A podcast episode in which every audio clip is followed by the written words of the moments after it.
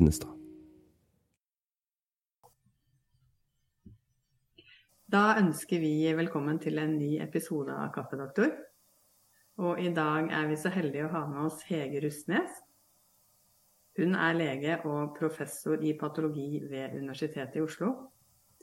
Ja, jeg leder en eh, infrastruktur for presisjonsdiagnostikk innen kreft. Ved, og hovedknuten for den det er en knutestruktur med um, laboratorier på alle universitetssykehusene, og jeg leder den som er på Oslo universitetssykehus. Kanskje du kan forklare oss litt hva er egentlig dette? Jeg tror jeg kan si litt om hvordan vi bruker kunnskapen om gener i patologi og i kreftdiagnostikken.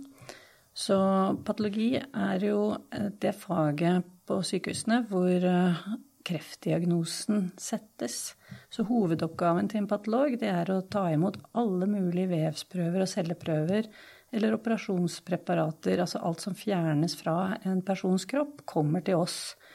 Og så ser vi på det, vi fremstiller det sånn at vi kan se på det i mikroskop. Og bestemmer er det kreft, ikke kreft, er det en annen sykdomsprosess i gang. Og hvis det er kreft, så er det viktig å si noe om hvilken type kreft er det og også hvilken undergruppe og har den spesifikke egenskaper, denne svulsten, disse cellene hos denne pasienten, som gjør at kreftlegene kan, og, og kirurgene kan skreddersy behandlingen mer for dem. Så patologens arbeid handler mye om å, å, å se på celler og vev, og, og, men også i økende grad å se på andre biologiske trekk hos kreftsvulstene. Da. Eh, vi gjør ikke endringer eller manipuleringer av um, gener, men vi er opptatt av hva har skjedd i kreftsvulsten, og kan vi finne akilleshælen, de genforandringene som gjør at vi kan skjønne hvilken type behandling pasienten kan ha mest nytte av. Sånn sett så har jo patologifaget endret seg veldig fra vi studerte? Absolutt, ja. Og det er jo sånn i veldig mange fag så endrer de seg raskt når du får ny teknologi inn. Man kan jo bare tenke på det å for noen århundre siden, når man var opptatt av å studere verdensrommet, hva betydde det å få bedre optikk, bedre stjernekikkerter? så har det i patologifaget så har det handlet om å få bedre mikroskoper eh, og kunne se mer detaljer ned i vev og celler. Og det nyeste som skjedde rundt årtusenskiftet, var at vi fikk eh, teknologiene til å eh, avkode hvilke gener som var endret i svulstcellene. Og det er den nye sekvenseringsteknologien som kalles for dypsekvensering.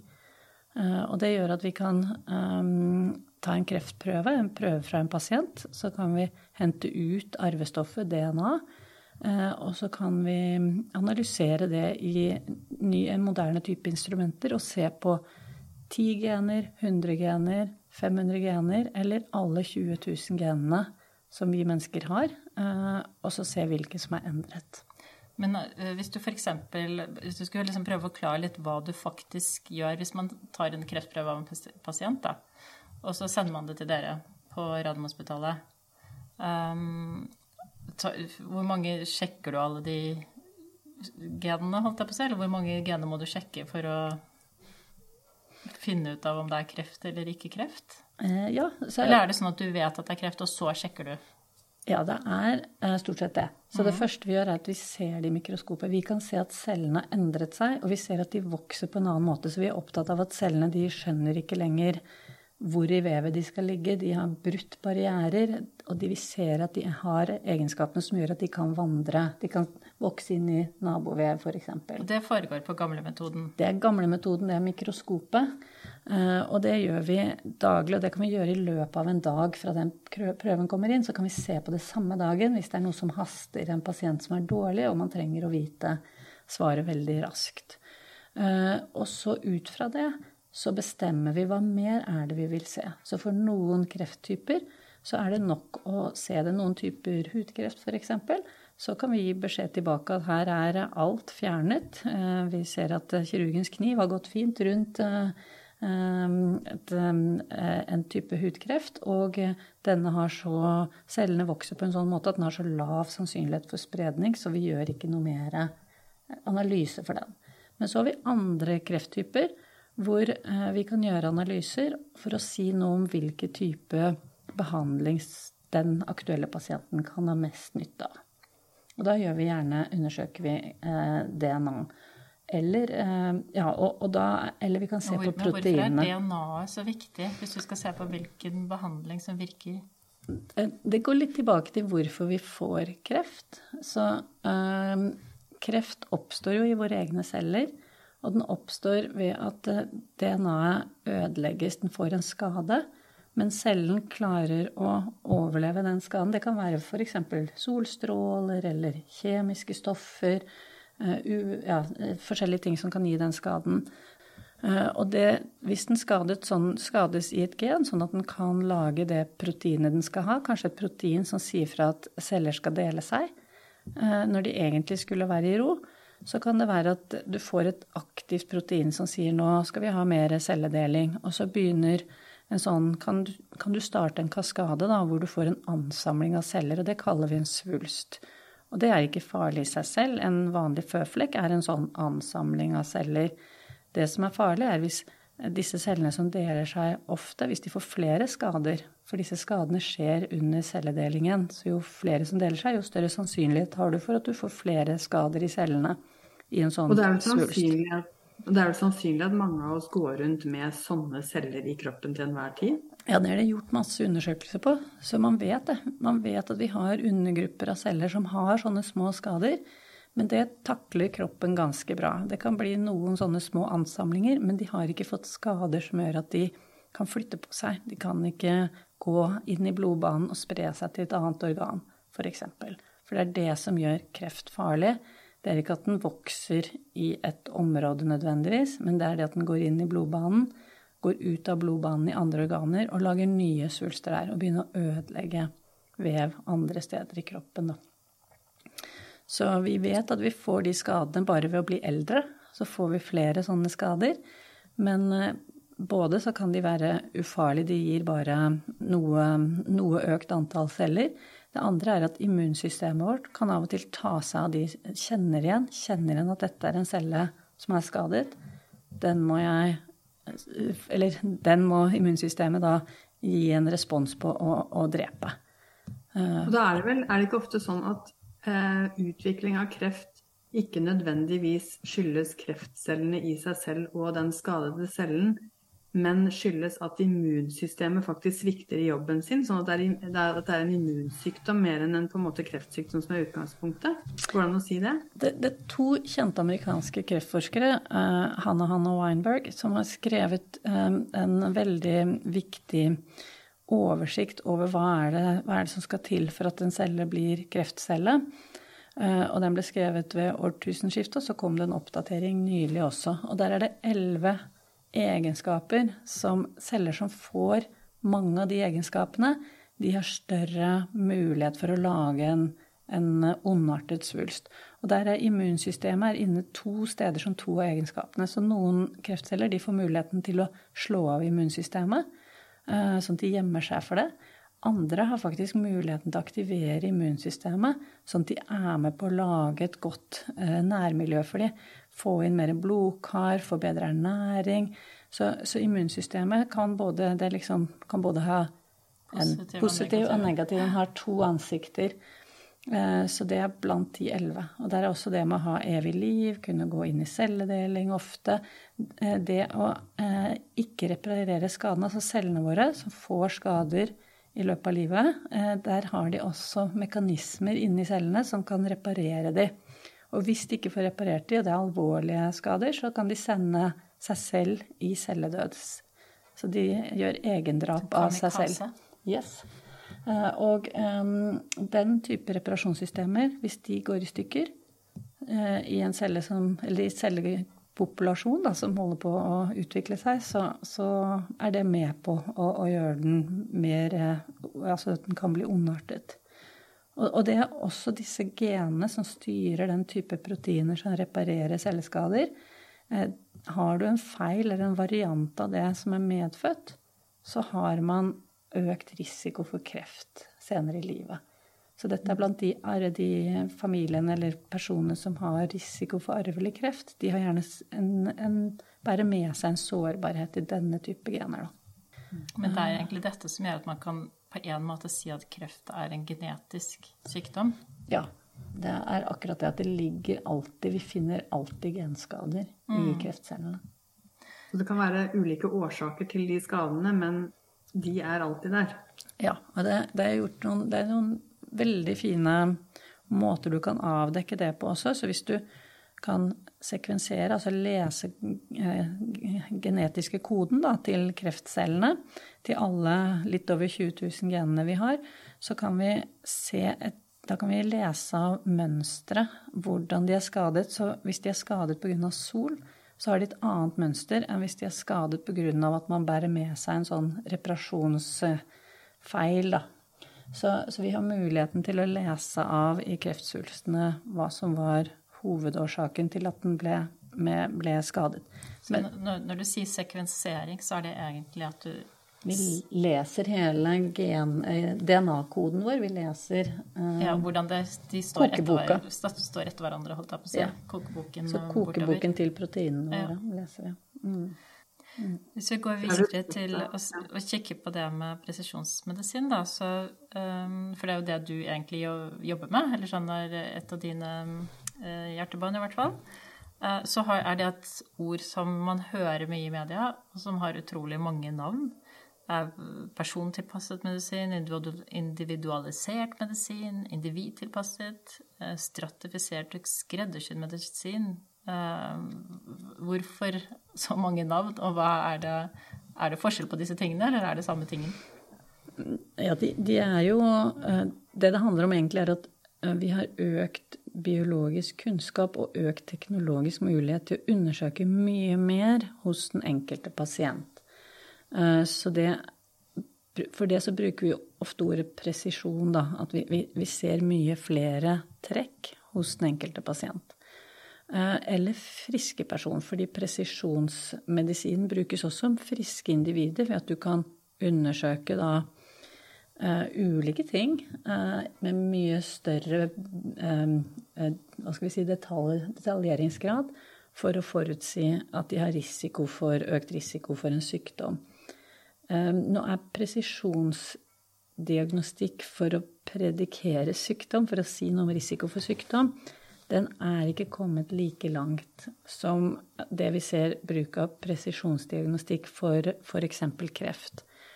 Og det vi ser for kreft, er at hvis vi gir Eller hvis vi gjør da denne litt mer bred, Hvis vi gjør mer enn å se i mikroskopet, så har vi kunnet um, finne endringer som det da fins spesifikke medikamenter mot, spesifikk behandling mot. Um, og det som har vært viktig, som jeg har jobbet mye med, det er jo at hvis du ser denne sammenhengen som i teorien burde tilsi at denne pasienten har god nytte av dette medikamentet, for det retter seg mot akkurat denne eh, biologiske endringen som pasienten har, så er vi nødt til å gjøre det i kliniske studier. Vi er nødt til å gjøre det i kontrollerte former, både for ikke utsette pasienten for risiko ved å bare prøve noe, eh, men også for å lære Eh, for å skjønne var det tilfeldig at medikamentet virket, var det pga. noe helt annet, og hva er sammenhengene? Men Kan ikke du bare først fortelle litt hvordan dere, hvordan dere faktisk gjør det? Hvis du f.eks. har en kreftpasient, og så har du en kreftprøve, eh, eller du har en prøve fra det vevet, da, eh, det syke vevet. Og hva, hvordan går du frem for å finne liksom, medikamenter som kan virke på kreften Eh, for akkurat den pasienten da? Hva, hva, hvordan gjør du det når du bruker presisjonsmedisin? Ja, så Det er to ting man kan gjøre. Det ene er at vi vet om en del medikamenter fra eh, studier på både dyr og cellekulturmodeller som vi vet at har du en feil i et visst område av et gen, eh, så kan du ha nytteverdi av Altså da kan man få stoppet cellene til å dele seg, stoppe de til å vokse.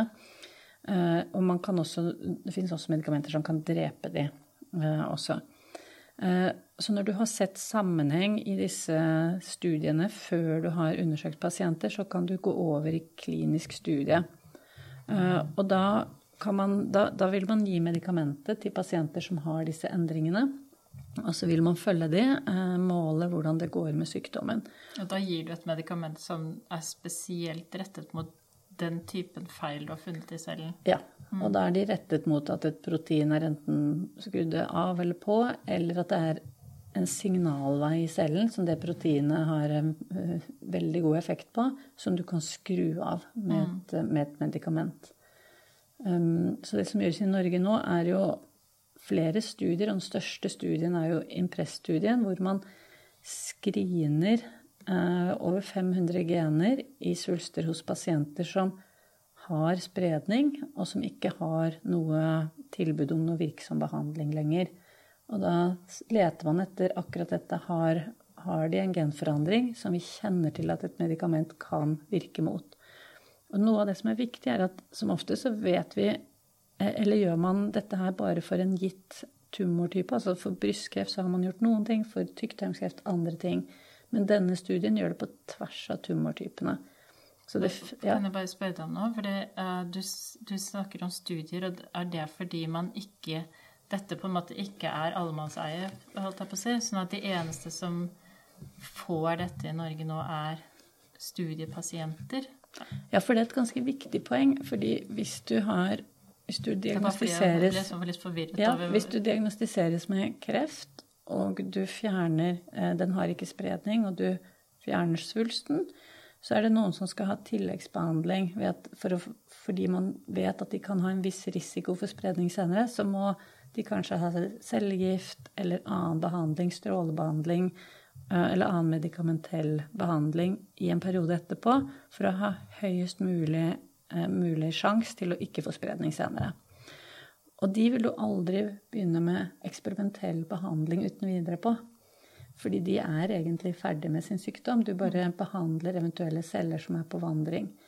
Eh, men de pasientene som har spredning, så er det jo veldig få som på sikt overlever sykdommen sin. Så de skal jo inn i behandlingsløp hvor man vet at for din krefttype, kanskje med noen få endringer vi har sett på, så vet vi at du har en viss mulighet til at du kan bli kvitt kreften med en behandling, og da gir man det. Og det gjør man jo før man prøver på noe eksperimentelt. Så du må la pasientene få lov å prøve det som det fins noe holdepunkter for at de kan ha nytte av. Eh, men for del, for de fleste pasientene med spredning så kommer de etter hvert til et punkt hvor kreften igjen vokser, og ikke, de har ikke noe mer som de vet de kan ha nytte av. Men finner vi da en genforandring hos de pasientene som det fins et medikament mot, og som har vært gitt f.eks. For, for en annen krefttype, så kan vi ta det inn i denne type studier, presisjonsmedisinstudier. Så da er den tilpasset for den ene pasienten. Så for øyeblikket så er det sånn at hvis du f.eks. får kreft og havner på Radiumhospitalet, så får du primært den behandlingen som er, den, eh, som er forsket frem, og som ja. vi vet virker. Og så hvis det ikke virker, man tenker at sånn her kommer man ikke i mål, så kan du inkluderes i kliniske studier ja. og, og, prøve dette som da regnes som eksperimentell behandling. Mm på nåværende tidspunkt. Ja. Og så er det veldig viktig det med kliniske studier, at det er der vi samler erfaringen systematisk. Det er både at pasientene får tilgang til ny behandling tidlig, og vi har gode eksempler på at uh, pasienter f.eks. når immunterapien kom, så var det jo noen som hadde kur, altså ble kurert, ble kvitt sin kreft fordi de kom inn i studier. Så det å ha mange studier i Norge er viktig, for det gir Eh, pasientene tilgang til nye medisiner. og Det gir um, helsetjenesten erfaring med de nye medisinene og med den nye diagnostikken. Men det som også er viktig, er at f.eks. de som er operert for brystkreft, så er det mange av de som skal inn i denne tilleggsbehandlingen med cellegift. Og det er jo tøft for kroppen. Det er da mange føler seg syke først. Det er når de starter med behandlingen. De har ikke kjent kreften egentlig. Eh, og eh, der har det vært en stor norsk presisjonsmedisinstudie hvor man eh, undersøkte 50 gener, mm, uttrykk av de, og da kunne man kalkulere eller beregne en, en risiko for nytteverdi av å få den cellegiften. Og de kvinnene som da har veldig lav risiko, de slipper da cellegiften. Og det er basert på utenlandske studier først, og så går de inn i norsk studie. Og der gjøres resultatene opp nå. Så det, det kommer, presisjonsmedisin kommer inn også tidlig. Um, så, så, flere og flere pasienter i Norge får tilbud om studier. Eh, eh, presisjons, eh, denne typen behandling, er det like beheftet med bivirkninger som Ja. ja. Som all annen kreftmedisin, dessverre. Så det jo, varierer jo for preparat til preparat. Og det er derfor man også skal være forsiktig med når er det man anbefaler behandling som ikke det er dokumentasjon for effekt av. Selv om biologisk så kan vi finne at det er et gen der som kanskje kan gi et Tenke at det kunne ha nytte, så skal du ha vi, vi i den studien i Norge nå, så skal vi vite at i dyremodeller og i selvkulturer og i, i en annen krefttype har det vært effekt. Sånn at vi ikke beveger oss inn i en situasjon hvor du prøver ut eh, veldig mye, og pasientene har i hovedsak bivirkninger. Ja, hvis du skulle si litt om hva du tror om dette her, da. For eh, vi skjønner jo at det ikke er forska ferdig på, på, noen måte. Men uh, hva er opplevelsen din av denne typen behandling? Vi, vi ser jo pasienter som har veldig god respons, altså hvor vi vi skjønner at da har diagnostikken truffet, og biologien til svulsten Vi har funnet akilleshælen, da, fordi den får da et studiemedikament. Og vi ser at vi har noen som får, som blir kvitt hele sin sykdom. Um, vi vet ikke hvor lenge det varer for de pasientene. Uh, så, så det, derfor så følger man jo de veldig tett òg. Så det er det ene vi ser. Det andre Har man noen langtidsstudier i det hele tatt? Ja, det, ja, det fins det på, på, noen av de første medikamentene som kom, så gjør det det. Eh, så vi vet jo f.eks. så er det som heter HER2 for brystkreft, det er det første målrettede terapien hvor man måtte finne den genfeilen for at pasienten kan få det. Og det har jo gjort at kvinner med HER2-positiv brystkreft har veldig mye bedre overlevelse, langtidsoverlevelse, enn bare for da 20 år siden. For det var 20 år siden det første studiene kom i, i Norge. Så vi, vi, vet at vi finner undergrupper av pasienter som får helt altså får en kurasjon, da. Eh, så det vet vi. Eh, men det vi ser også i Siden vi eh, Mange av pasientene har jo da alvorlig sykdom. De har jo langkommen kreft. Så det kan være mange mekanismer på gang i svulstene som gjør at altså flere og flere genskader, sånn som vi snakket om i begynnelsen, som er kommet til, og som gjør at det blir bare vanskeligere og vanskeligere å finne én akilleshæl. Mm. Um, så det vi ser, er at pasienter som Eller foreløpig uh, Vi har vært i gang i ett og et halvt år i Norge, og foreløpige tall viser at vi har pasienter som har lang, altså rolig sykdom lenge. Som, som får nok ekstra tid. Uh, og det er ganske viktig også for kreftpasientene. Um, så ja. Sånn at uh, i noen tilfeller så er det kanskje i hvert fall utsette ting da, og gi bedre livskvalitet. Ja, og, og, da kommer det også det at en av de utfordringene vi ser med presisjonsdiagnostikken, det er at en del pasienter ønsker de følger med, ser at det skjer mye, og at det tilbys jo mm, private gentester av svulstmateriale. Man kan hente ut uh, svulstmateriale fra patologiavdelingene og så sender man det til utlandet, da. Eh, og så kommer det tilbake gjerne en lang rapport med hva de har funnet av feil. Og vi finner feil i alle svulster. Så noe av det vanskeligste med genanalyser, det er det vi kaller for tolkning. Det er å skjønne hva betyr akkurat den endringen i disse genene som denne pasienten har. Og Da bruker vi internasjonale databaser og en del sånne verktøy, eh, dataverktøy for å gjøre det. det. Og det krever en god del erfaring.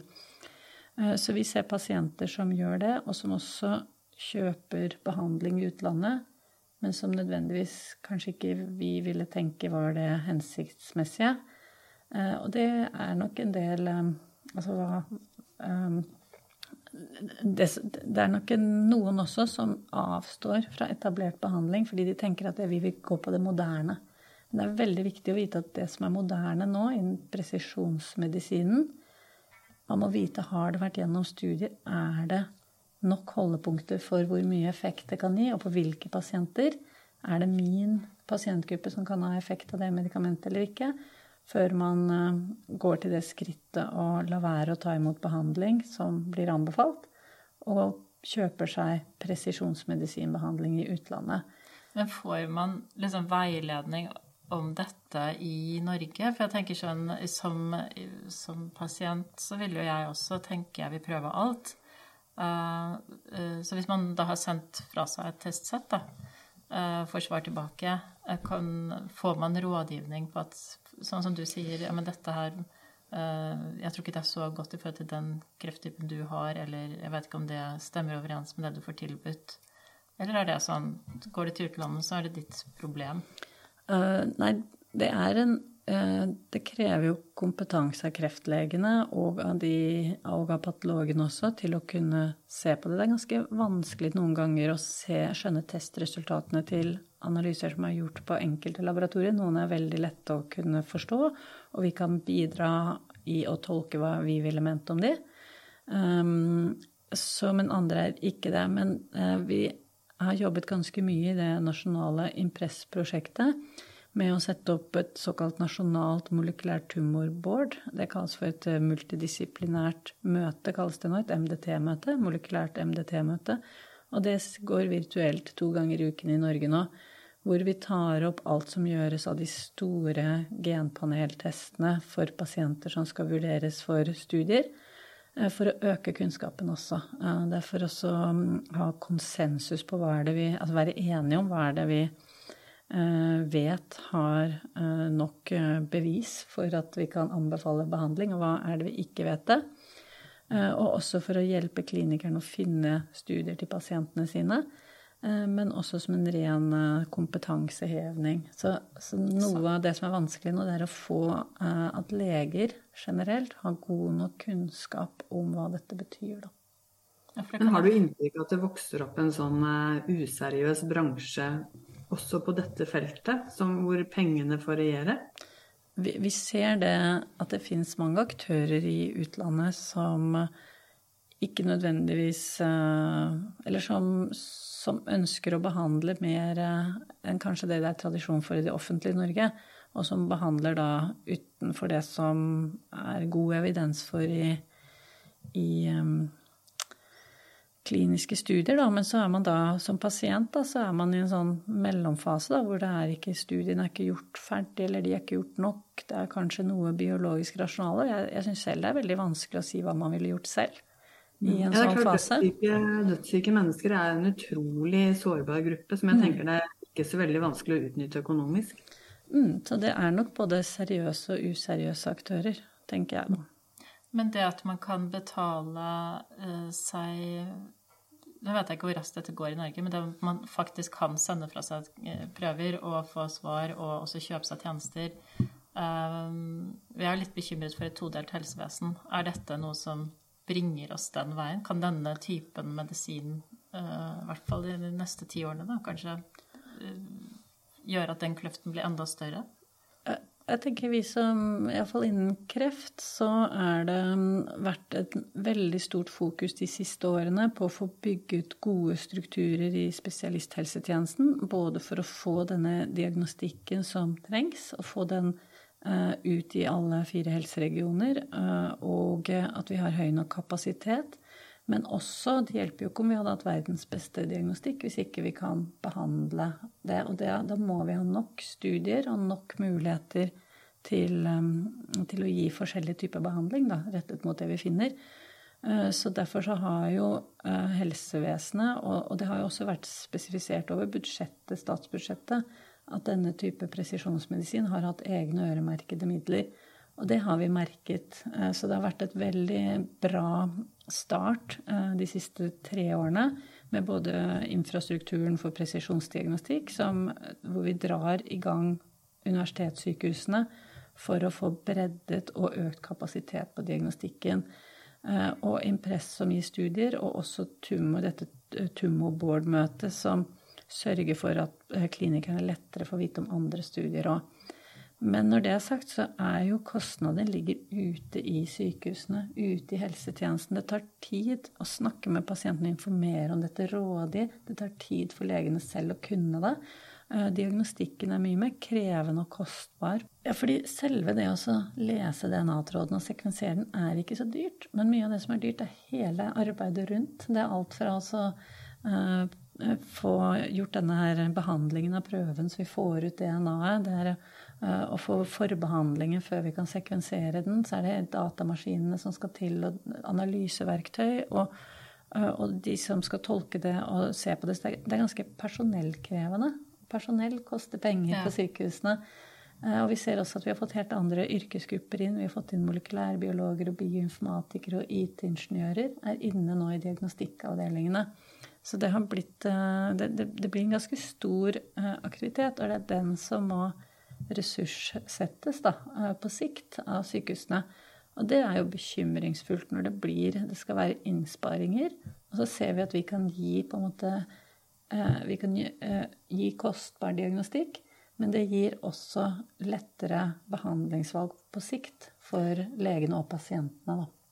I dette nettverket som driver med presisjonsmedisin, Eh, er det noen ting som har med psykiatri å gjøre der, eller er det helt fraværende? Det var jo en periode hvor man trodde man skulle finne helt spesifikke gener når det gjelder psykiske lidelser, ja. og det feilet jo litt. Det er, fordi, det er veldig et, et godt spørsmål. Så, um, i, vi snakker om På kreftfeltet så snakker vi om at det er bygget et økosystem med disse strukturene, sånn at vi passer på at forskning, diagnostikk og klinikk kan henge sammen i utviklingen. Men i, i, Norge også så har vi det nasjonale kompetansenettverket for presisjonsmedisin, som er en struktur mellom sykehusene for å få bedre samhandling mellom sykehusene. Fordi når kunnskap blir så spisset, så er vi ikke nok mennesker på jobb til å kunne håndtere det. Vi må, vi må være et nettverk, da. Og der er psykiatrien inne. Og de er inne, særlig innen farmakogenomikken ser vi jo det skjer ting for psykiatri. Vi ser at det å kunne dosere behandling riktig henger nok sammen med små endringer vi har i noen av enzymene våre, altså genene som koder for noen av, eller som bestemmer hvordan enzymer, noen enzymer ser ut. Um, så, så, der er det absolutt inne. Men um, det å kunne forutsi på grunnlag av genundersøkelsene dine om du har risiko for ulike typer psykiatriske sykdommer, det ligger ikke helt inne til i diagnostikk ennå. Det gjør det jo ikke. Det ligger bare på forskning. Jeg tror det var et håp om at vi skulle være tettere på den gåten. Men det, ja. vi er ikke helt der, for å si det helt mildt. Nei, så er det jo noe med Når vi diagnostiserer kreft, så ser vi på cellene i mikroskopet. Vi har en god del kriterier. Det er veldig ja. konkret. Eh, når vi gjør genanalyser og vi ser at disse cellene har andre genfeil enn eh, kroppens normale celler, så er det veldig lett for oss å si at det er kreft. Mens i psykiatri og i andre store syk sykdomsgrupper så, så, er det vanskeligere å objektivisere diagnosen. Mm. Og det er vanskeligere å forske på. Man har vel også nå blitt mer og mer klar over at det er utrolig mye overlapp, genetisk overlapp mellom de forskjellige psykiatriske lidelsene. Mm. Som gjør det ekstra komplisert. Men det er interessant det med å se på genetikk i forhold til respons på medisiner. For det det er jo et eller annet der som vi ikke helt har fanget opp ennå. Mm. Men Hege, for å oppsummere litt. Hva, hva er ditt ønske om eh, videre utvikling av denne kunnskapen fremover? Ser du for deg eh, i nær fremtid at dette vil bli tilgjengelig for eh, folk flest med kreftsykdom? Ja, det, jeg gjør det, men det forutsetter at uh, Norge opprettholder et uh, høyspesialisert sykehusvesen. Eh, så det som er viktig, er jo at vi Og det gjelder ikke bare kreftdiagnostikken, eh, men vi øker bredden på hva vi undersøker per pasient. Det gjelder jo veldig mye av diagnostikken. Eh, og fordi teknologi og kunnskap gjør det mulig, sånn at vi kan agere mye mer persontilpasset for den enkelte. Og det koster mer penger per pasient, men jeg tror det lønner seg i den andre enden. Altså samfunnsmessig så lønner det seg. Eh, og det er den eneste måten vi klarer å opprettholde god helse for alle. Så det å få kuttede sykehusbudsjetter samtidig som vi skal implementere, altså ta inn ny kunnskap, nye metoder, nye medikamenter eller behandlingsmåter eh, i studier og helt inn i rutinebruk, det er ikke mulig. For det er ikke noe, vi, slutter jo ikke å se i mikroskopet vårt, f.eks. Eh, så vi, det kommer helt inn tillegg, altså økt eh, vi, vi, øker eh, antall ting vi kan gjøre for den enkelte pasient. Og det er ikke Det er ikke bare å si vi løser det med AI, eller at dere må jobbe mer effektivt. Så hvis, hvis Norge skal et, ha et moderne helsevesen om 10 og 20 år, så kan man ikke kutte i sykehusbudsjettene lenger. Ikke, ikke inn mot diagnostikk, kan jeg si iallfall, da. Så jeg kjenner det godt. Så det er mine, mitt ønske. Og jeg tror helse betyr mye for mange, så jeg tror faktisk det er ganske mange som ikke ønsker at vi kutter mer i helsebudsjettene. Skal vi avslutte, da? Ja, først må vi si tusen, tusen takk til Hege. Det var veldig interessant å høre deg fortelle om dette. Ja, takk for å få komme. Livet er ikke det verste vi har. Og bitte litt av pulverkaffen klør.